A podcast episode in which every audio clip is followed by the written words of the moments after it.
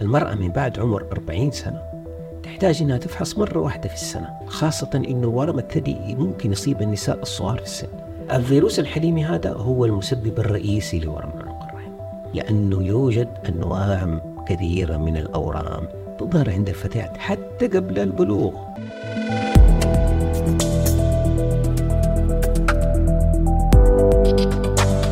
كيف حالك يا دكتور؟ الله يسلمك كيف صحتك؟ شلون طيب؟ كيف صيفكم؟ والله حار جدا. اخذت إجازة ولا ما اخذت؟ لا لا لا. سافرت والله أنا أخذت إجازة سافرت بس يعني الصيف هذا كان حار.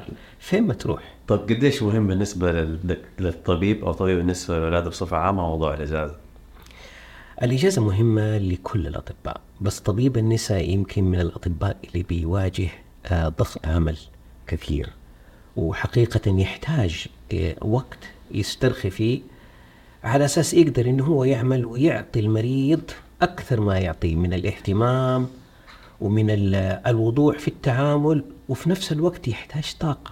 يعني دكتور النساء بالذات لو كان من الدكاترة اللي بيقوم بعملية التوليد فهذا يعني ليل وليل ونهار ونهار. فلذلك يحتاج حقيقة فترة إنه هو يرتاح فيها وياخذ وقت كافي. بس في ناس عندهم فكر إنه لا أنا ما باخذ إجازة أنا شغلي أهم شيء. هل هذا تعتقد أنه مثلا ممكن بيأثر على عمله؟ تختلف قدرات الناس. وممكن في بعض الناس ممكن يجد كثير من الراحة في عمله وممكن يكون عمله ما يتطلب الشيء الكثير. ولكن إحنا ننصح طبعا بشكل عام زي ما هو معروف في نسبة من اللي يسموه ال burnout وهو يعني التعب الوظيفي والاجهاد الوظيفي عند كثير من الناس. وال burnout هذا يتزايد مع مرور الوقت ويزيد ويزيد ويزيد وممكن يأثر على مقدرة الإنسان في العطاء. فهو يعني ينصح الإنسان ما هو ضروري ياخذ إجازة طويلة بس يحتاج حقيقة كل فترة وفترة إنه هو يغير شوية من آه المكان اللي هو فيه الناس اللي يتكلم معهم ياخذ وقت قصير يستجم فيه عشان يقدر يعطي أكثر. وراح يتفاجئ إنه قديش ال- الأمر هذا لو كان بسيط لو كان عدة أيام راح ينفعه يعني. ممتاز. طيب يا دكتور أنت إيش خلاك تتخصص في مجال الأورام النسائية؟ الأورام النسائية؟ حقيقة أنا إنسان يعني أحب الجراحة. ومن يوم ما أنا بدأت أعمل في آه، تخصص النساء والولادة واللي هو تقريبا غالبيته تخصص جراحي وجدت أن أنا أحب الجراحة وأحب أشتغل في مجال الجراحة. فمن جزء التدريب اللي إحنا كنا نتدرب وكنا نشتغل مع الأطباء اللي يعملوا في مجال الأورام النسائية. ولما عملت في التخصص هذا وجدت حقيقة إنه آه، في اختلاف كبير ما بينه وما بين تخصص النساء بشكل عام لأنه هذا التخصص يتعمق في مجال الأورام النسائية من بداية من آه، اكتشافها لعلاجها ولمتابعتها.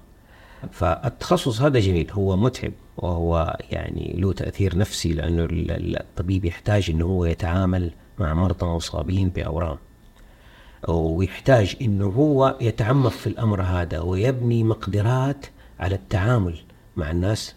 أضف إلى ذلك مقدرات أخرى في جراحية يقدر إنه هو ينميها مع مرور الوقت. فتخصص الأورام هو تخصص ما هو سهل ولكنه يعلم الإنسان كثير بالذات الطبيب اللي يعمل في مجال النساء والولادة. حقيقة لما يتخصص في الأورام يصبح عنده مقدرة كبيرة جراحية حتى الغير جراحية في الاهتمام بالمريض بعد الجراحة. طيب ممتاز.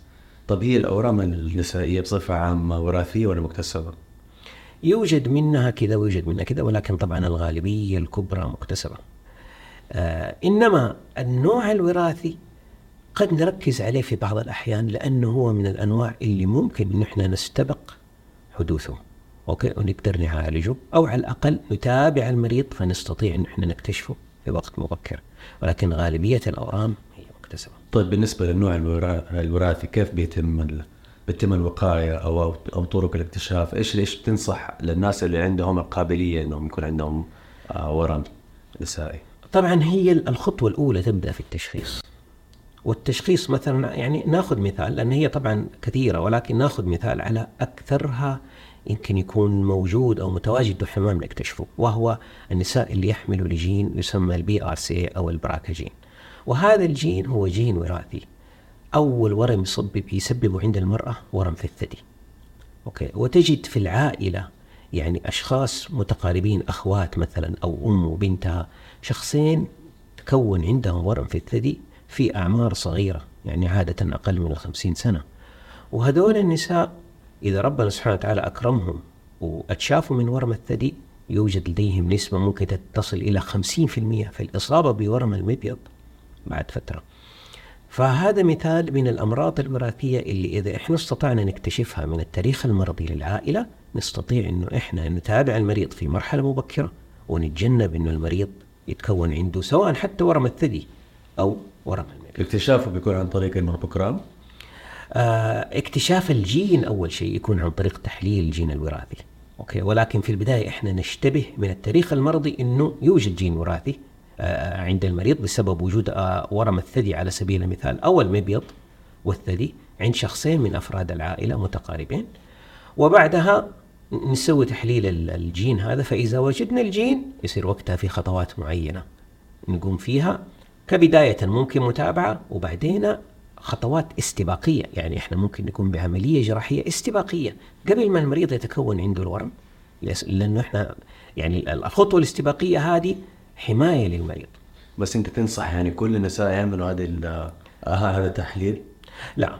أنا أعتقد النقطة المهمة جدا هي إنه إذا المرأة لازم يكون عندها وعي عن الناس اللي في عائلتها اللي حصل لهم أورام بالذات أورام في الثدي.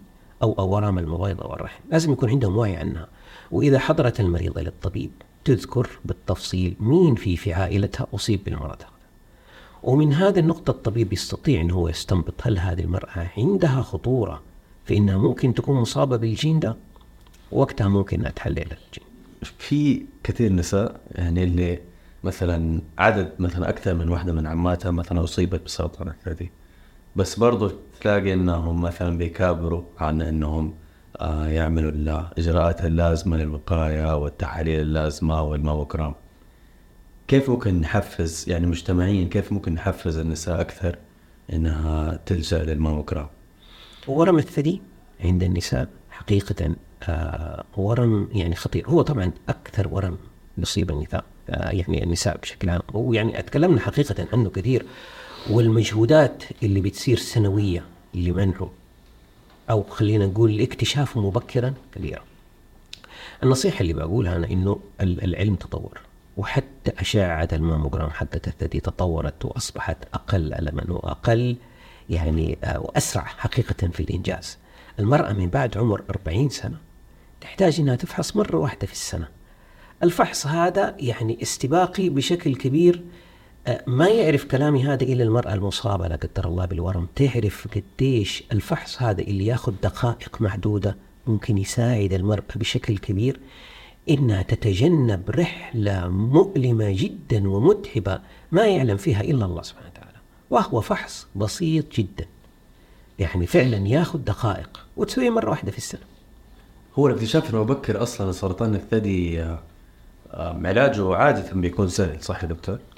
يعني علاجه طبعا هو على حسب إيش نوع الخلايا وهكذا بس طبعا أي ورم اكتشافه مبكر يعطي نتائج إيجابية جدا. يعني حتى بتفادى موضوع استئصال الثدي أو آه يعني هذه الإجراءات اللي تكون قاسية على حياة المرأة آه متى بيوصلوا لهذه الدرجة لهذا المستوى يعني متى بيتم عادة آه الإجراء هذا إنه لازم يصير في استئصال؟ يعني هو صراحة التفاصيل يمكن الأمر هذا يفيدونا فيها أكثر. في عندنا طبعا أطباء مختصين في أورام الثدي في جراحات أورام الثدي فيها. ولكن يعني باختصار شديد آه، أورام الثدي نفسها تنقسم إلى أقسام بحسب طبيعة الخلايا تبعها. وفي بعضها ممكن يكون سريع الانتشار في بعضها يكون بطيء الانتشار فاختيار طبيعة التدخل الجراحي أما الجراحي والكيماوي والإشعاعي يختلف طبعا بالمرحلة العلاجية اللي تم اكتشاف المرض فيها. اكتشافه مبكر دائما يساعد. وغير كده في نقطة جدا مهمة لأنه المرأة يعني إن ربنا أكرمها بإذن الله المرأة المصابة بالورم وتم اكتشافه بشكل مبكر قد نستطيع طبيا إنه إحنا ما نأثر نفسيا على المرأة. يعني الجراحة اللي تتضمن استئصال الثدي إلى المرأة لها تبعات نفسية عند المرأة. حقيقة خاصة إنه ورم الثدي ممكن يصيب النساء الصغار في السن. فلذلك اكتشافه بدري ممكن يساعدنا في تخصيص عمليات معينة لتعديل المشكلة عندها وممكن يعني خلينا نقول جعل حياتها أسهل. حياتها بالذات في مع زوجها وحياتها الاجتماعية. مهم أن المرأة تحس بتأثير قوي بعد إزالة الثدي على حياتها. ممتاز. طب حأخذك عن محور آخر اللي هو ال HPV هذا الموضوع خطير وكثير ناس ما عندهم خلفية كفاية عن خطورة آه، ال- الفيروس هذا. فاولا إيش ال HP يا دكتور؟ طيب آه خلينا هو طبعا المسمى العربي لكلمة ال HPV هو الفيروس الحليمي. آه يمكن يكون بالنسبة لنا آه هو موضوع جديد. ما تكلمنا فيه بشكل كبير في البلد لأنه يمكن العشر السنوات الأخيرة آه بدأ موضوع التطعيم يدخل وبدأوا الناس على وعي أكثر. ال HPV هذا هو فيروس يسمى الفيروس الحليمي. في منه حوالي 200 نوع حقيقة كثيرة. ممكن تصيب الإنسان في أماكن كثيرة في الجسم وتطلع ما يسمى بالأتاليل. في آه، آه، يعني أنحاء مختلفة من الجسم. ال 200 نوع هذول في منهم أنواع معينة تنتقل جنسيا تنتقل عند ملامسة ال- ال- الجلد للجلد في المنطقة التناسلية. الأنواع هذه في منها الأنواع البسيطة اللي حقيقة ما بتسبب إلا مجرد أتاليل تناسلية تظهر لفترة معينة وتختفي عادة بدون علاج. ولو كانت كبيرة أو بتضايق المريض نستطيع أنه إحنا نساعده سواء بالأدوية أو بالليزر أو جراحيا إذا لزم الأمر. ولكن يوجد أنواع معينة منه تعتبر عالية الخطورة. وعالية الخطورة في إيش؟ عالية الخطورة في إنها تصيب عنق الرحم. وتسبب تغييرات في عنق الرحم على مر السنوات. التغييرات هذه تبدأ بالتهاب مجرد بسيط في الخلايا في منطقة معينة وإذا كان المريض ما بيسوي مسحات عنق الرحم فما يكتشف المرض. هذا ويبدأ يتحول إلى ورم في فترة ما حتصدق لو أقول لك إياه ممكن 15 سنة. يعني ممكن المريض ما يجي العيادة ما يفحص مرة واحدة عن طريق آه، فحص الباب سمير هذا لمدة 15 سنة وبعدها يتكون المرض ويجي المريض في حالات متقدمة من المرض. آه، فالفيروس الحليمي هذا هو المسبب الرئيسي لورم عنق الرحم. والسبب يعني الشيء الحديث في الطب هو وجود التطعيم ضده. ولأنه هو أكثر ورم نسائي ممكن نحن نتجنبه بمجرد تطعيم. فلذلك بشكل عام تم الحرص على تواجد التطعيم بشكل كبير موجود في المملكة. هو عادة طبعا حسب أنواعه مختلفة بس عادة يعطى على ثلاثة جرعات. لرفع مناعة المريض ضد الفيروس هذا فيحميه. ينصح دائما للفتيات قبل الزواج إنهم ياخذوا آه ولكن حتى المرأة المتزوجة ممكن إنها هي تاخذ بالضبط. ممكن تتعدي. هو, آه الفيروس الحليمي آه لا يأتي إلا بال عن طريق آه التلامس الجلد بالجلد. يعني غالبية الحالات خلينا نقول 99% تكون كده. يعني حتى الواقي مو كافي يا دكتور في الحمايه فعشان كذا لازم حتى الناس يحرص. لازم الناس تحرص لازم تحرص على الفحص. هو دائما بس المشكلة أي شيء مرتبط بالجنس أحيانا تابوه الناس حتى في موضوع الوقائيه الناس ما بتتكلم. طيب يعني في أشياء معينة يعني إحنا كلنا عارفين إنها غلط بس لازم يتم التواصل مع الناس فيها لأنه الناس أحيانا بتغلط يعني. ف فإيش إيش إيش شايف التحركات اللي حاصلة ولا اللي لازم تسير حول الموضوع هذا يا دكتور؟ هو حقيقة في تحركات كثيرة سائرة ولكن اللي إحنا نحتاجه نحتاج من الناس. يعني ال- ال- التطعيم صح إنه هو متوفر وبعد فت يعني ويختفي فترة مثلا ويرجع بسبب إنه حقيقة الطلب كل ماله يتزايد عليه. أوكي؟ وأنا أكلمك اليوم مقارنة بخمس سنوات أنا صرت ما يمر أسبوع أو أسبوعين إلا يجي مريض يسأل عن التطعيم هذا أو يبغى يرغب في التطعيم هذا. فالوعي بيتزايد في المجتمع بشكل كبير عن وجود ال- ال- الفيروس هذا وعن الحاجة إلى التطعيم عنه. كثير من الفتيات المقبلات على الزواج يجوا يسألوا يقولوا والله إحنا نرغب في التطعيم هذا. وطبعا أكثر ناس يطلبوا التطعيم الناس اللي أصيبوا بالفيروس. واللي استطعنا بفضل الله سبحانه وتعالى نعالجهم يجوا يقولوا طب إحنا الآن نبغى التطعيم. فإحنا ننصح ننصح. طبعا كلمة التطعيم قد تكون مخيفة لبعض الناس وفكرة التطعيم قد تكون مخيفة. لهم فعشان كده يمكن يتهربوا منها.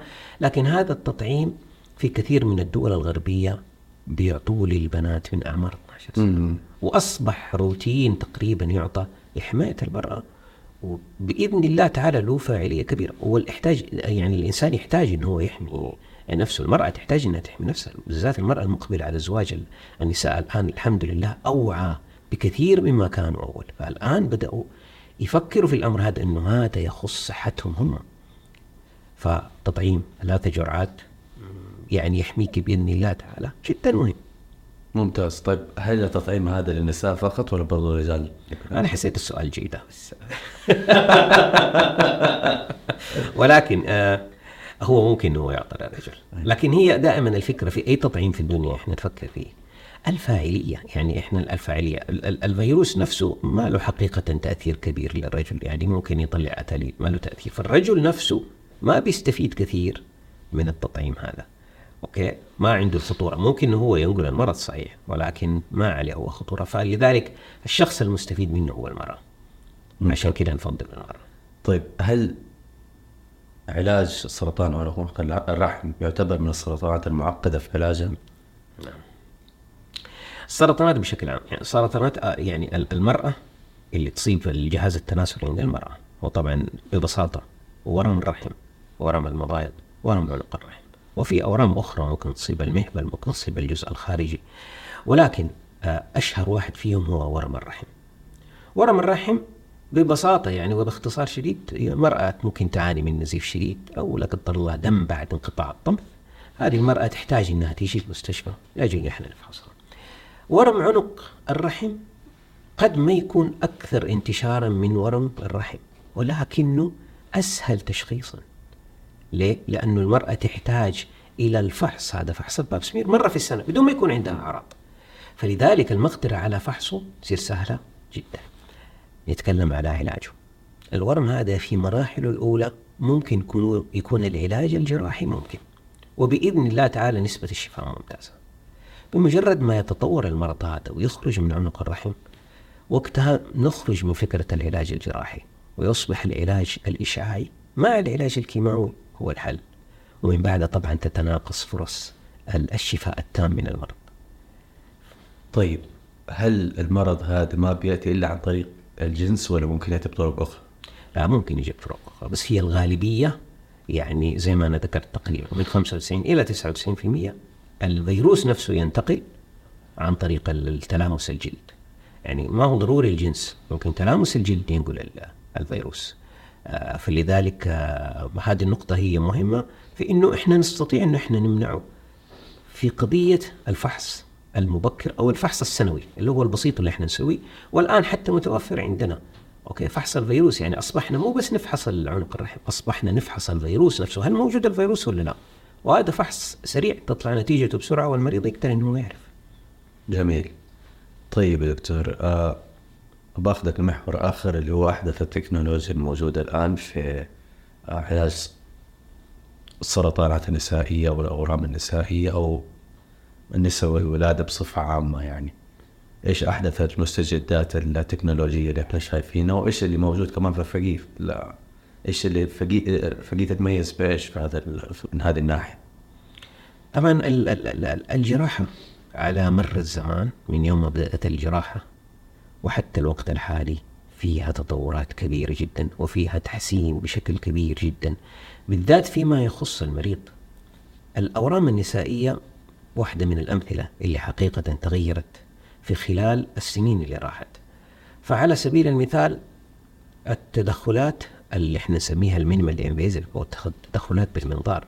عملية جراحة بالمنظار تطورت في الفترة الأخيرة بشكل كبير ويمكن يعني فقيه من أول المستشفيات اللي بدأنا العمليات هذه في فترة يعني أقل من عشر سنوات حقيقة أو عفوا والله تقريبا عشر سنوات بدأنا نقوم بالعمليات هذه وإزالة الأورام عن طريق المنظار.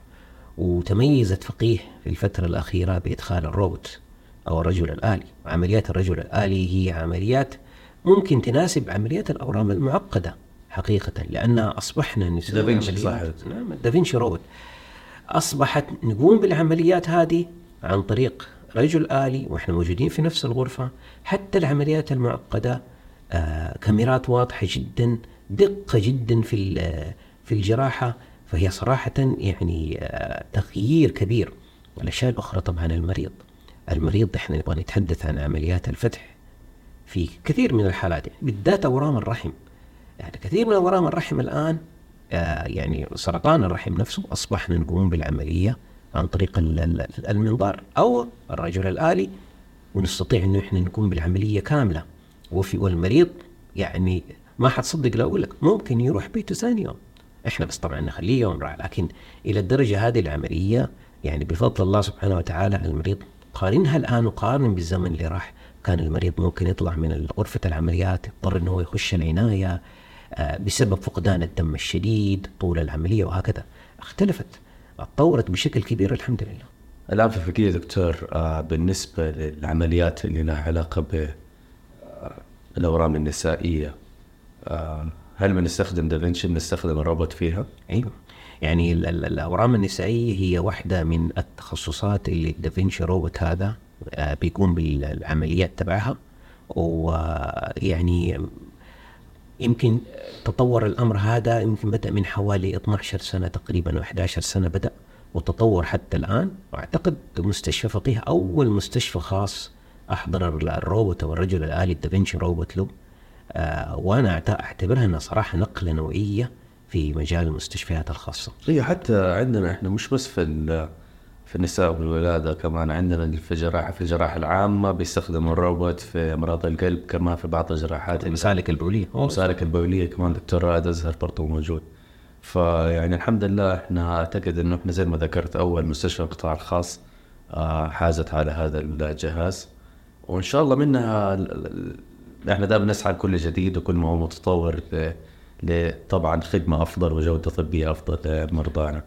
طيب يا دكتور بالنسبة ل أكيد أنت يعني دائما هو موضوع السرطانات موضوع حساس و آه، له تأثير كمان أحيانا بيكون سلبي أو يعني قوي على على الأسرة وعلى الناس أسرة المصاب وعلى المصاب نفسه طبعا طبيعه الحال فأكيد مريت أنت بقصص آه، نجاح كانت لها تأثير كبير عليك أنت شخصيا فنبغاك تذكر لنا كذا قصة نجاح آه، مريت بها أنت يا دكتور آه، أو في حالة معينة. يعني هي صراحة في مجال الاورام النسائية قصص النجاح وشفاء المريض صراحة كثيرة. في بعض الأحيان يعني هو مضحك ولكن أنت إذا استطعت إنك ما تشوف المريض بعدها فمعناها هذه أخبار ممتازة. صح. إن المريض ما يحتاج إنه هو يشوفك مرة أخرى. ولكن آه من القصص يعني الغريبة اللي أنا أذكرها حقيقة. يعني ما أقدر أعتبرها نجاح لأنه توفيق من الله سبحانه وتعالى إنما أعتبرها توفيق من الله للمريض ولنا إحنا في إنه إحنا نساعد المريض. في سنة من السنين آه جتنا فتاة يعني عمرها تقريبا 15 سنة. والبنت هذه كان عندها انتفاخ كبير في البطن. وكانوا أهلها متخوفين أنهم يجيبوها للمستشفى من انتفاخ البطن. ولكن سبحان الله سبحان الله أستطاع أحد من أهلها يقنعهم وجابوها. وجدنا عندها طبعا ورم كبير جدا لبنت صغيرة في العمر هذا ربنا يحمي بناتنا كلهم. كان شيء مفزع.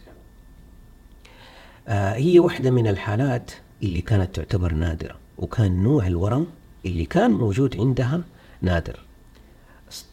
خليني أقول إنه آه إحنا فوجئنا أصلا إنه هذا الورم كان موجود ولفترة طويلة كان موجود بفضل الله سبحانه وتعالى الورم ما انتشر.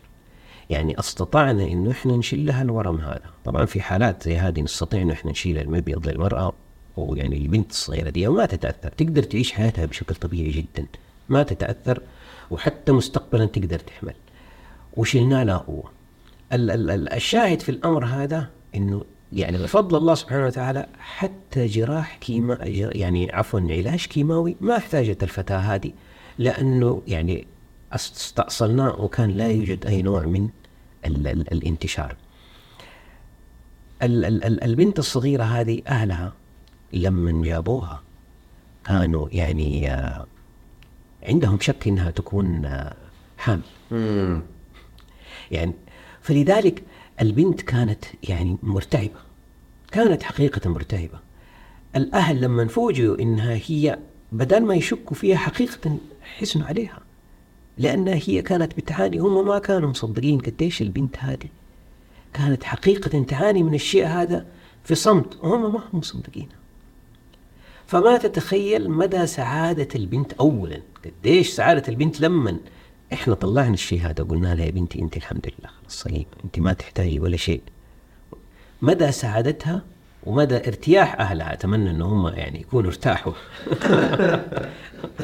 مدى ارتياح اهلها إنها إيش؟ الحمد لله تشافت من الشيء هذا. لكن المهم في القصة إنه الإنسان لا يهمل بالذات الفتيات الصغار هذول. أمر زي هذا لا يهمله لأنه يوجد أنواع كثيرة من الأورام تظهر عند الفتيات حتى قبل البلوغ ممكن تظهر عندهم. فلا يهملوا الأمر هذا. وبعدين في جانب نفسي في الموضوع زي ما ذكرت يعني أحيانا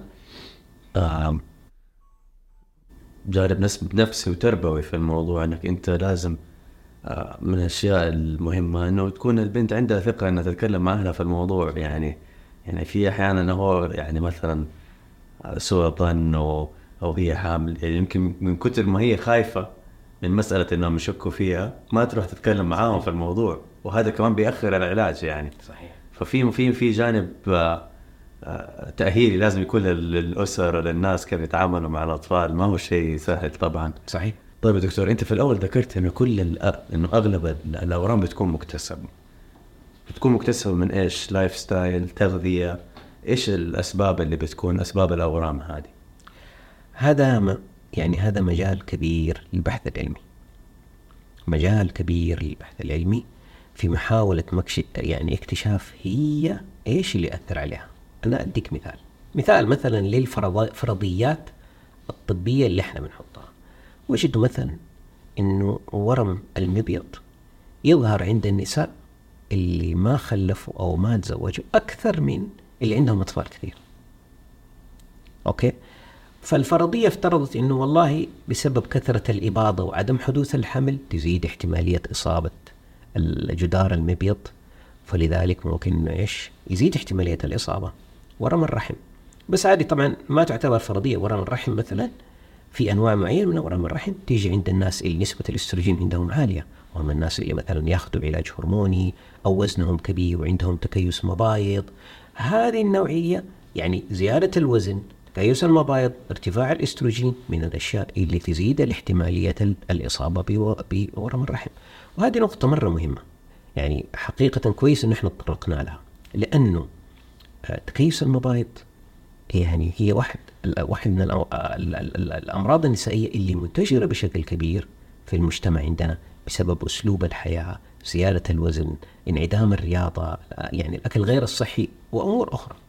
تكيس المبايض هو من الأشياء اللي يزيد احتمالية الإصابة بورم الرحم بسبب ارتفاع الأستروجين في الجسم. ف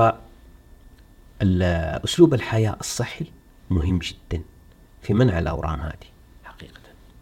طيب يا دكتور تكلمت أنت عن المسألة بس بصفة عامة عن موضوع المناظير الدقيقة لما ندخل أكثر في التفاصيل طيب هي طبعا المناظير الدقيقة يعني لها دور في الأمراض النسائية خارج الأورام أيضا واحدة من أهم الأدوار فيها آه، الجراحات التنظيرية فيما يخص آه، أكياس المبايض البطانة المهاجرة وهذا تطور في المرحلة في الفترة الأخيرة بشكل مرة كبير لأنه مرض البطانة المهاجرة يعني لو أنا أذكر لك قبل حوالي يعني ثمانية سنوات أو آه، عشر سنين لما كنت أتكلم مع المرضى في العيادة ما كانوا يعرفوا المرض هذا حتى ما سمعوا عنه قبل كذا اليوم يمكن 90% من النساء اللي تيجي في العيادة في أول مرة أشرح لها المرض هذا تكون حقيقة عارفة عنه إيش أعراضه؟ المرض هذا إحنا نكتشفه عادة بالأعراض بس إحنا نشخصه عن طريق المنظار أهم عرض من أعراضه هو زيادة ألم الدورة. المرأة معروفة في بداياتها بالذات من فترة البلوغ أنها تشتكي من آلام دورة وآلام الدورة تكون شوية شديدة ولكن مع المسكنات بيمشي الحال.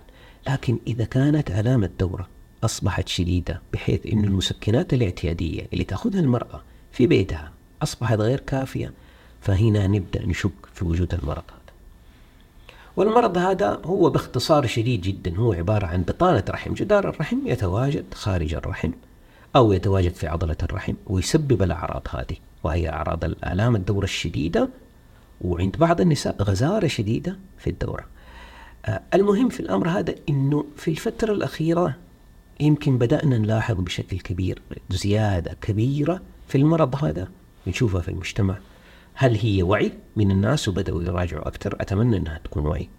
وبدأوا يراجعوا أكثر ونكتشفوا أكثر أم هل هي حقيقة زيادة في المرض هذا بشكل كبير؟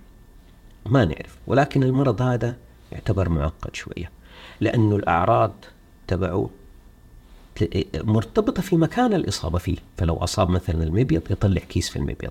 لو أصاب عضلة الرحم يسبب نزيف شديد وقت الدورة. لو أصاب الغشاء البريتوني يسبب تأخر في الحمل. كثير من الناس وفي الفترة اللي راحت كانوا يكتشفوا المرض هذا أثناء فحصهم أو مراجعاتهم لمعرفة إيش سبب تأخر الحمل. يكتشفوا أنه عندهم مرض البطانة المهاجرة.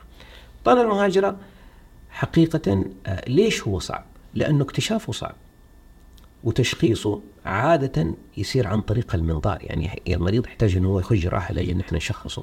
قد ما نسوي التنظير لكل مريض يشتكي ولكن غالبية المرضى قد يحتاج المنظار.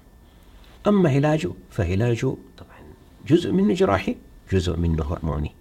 يعني بعض الناس يحتاجوا جراحة وبعض الناس يحتاجوا علاج هرموني. هو واحد من الأمراض اللي يعني أصبح منتشر بشكل كبير في المجتمع وأصبحنا نشوفه. وأنا أتمنى يعني هي النقطة اللي جدا مهمة أنا أتمنى أنه يعني نستطيع أنه إحنا نساعد المرأة في اكتشافه في فترات مبكرة لأنه هذا حقيقة مهم في منع انتشاره أكثر ممتاز جميل. دكتور أنور موريا أشكرك على جيتك. الصراحة كانت حلقة جميلة آه، خصوصا تكلمنا على مواضيع جدا مهمة والناس لازم تعرفها. فأشكرك شكرا جزيل. وكنت يعني ضيف خفيف وجميل علينا والله. الله يعطيك العافية حبيبي. تشرفنا بوجودنا معاكم هنا صراحة و... والكلام وأتمنى إن شاء الله تعالى يستفيد الناس آه، من الشيء هذا اللي إحنا تكلمناه بشكل كبير. شكرا لك.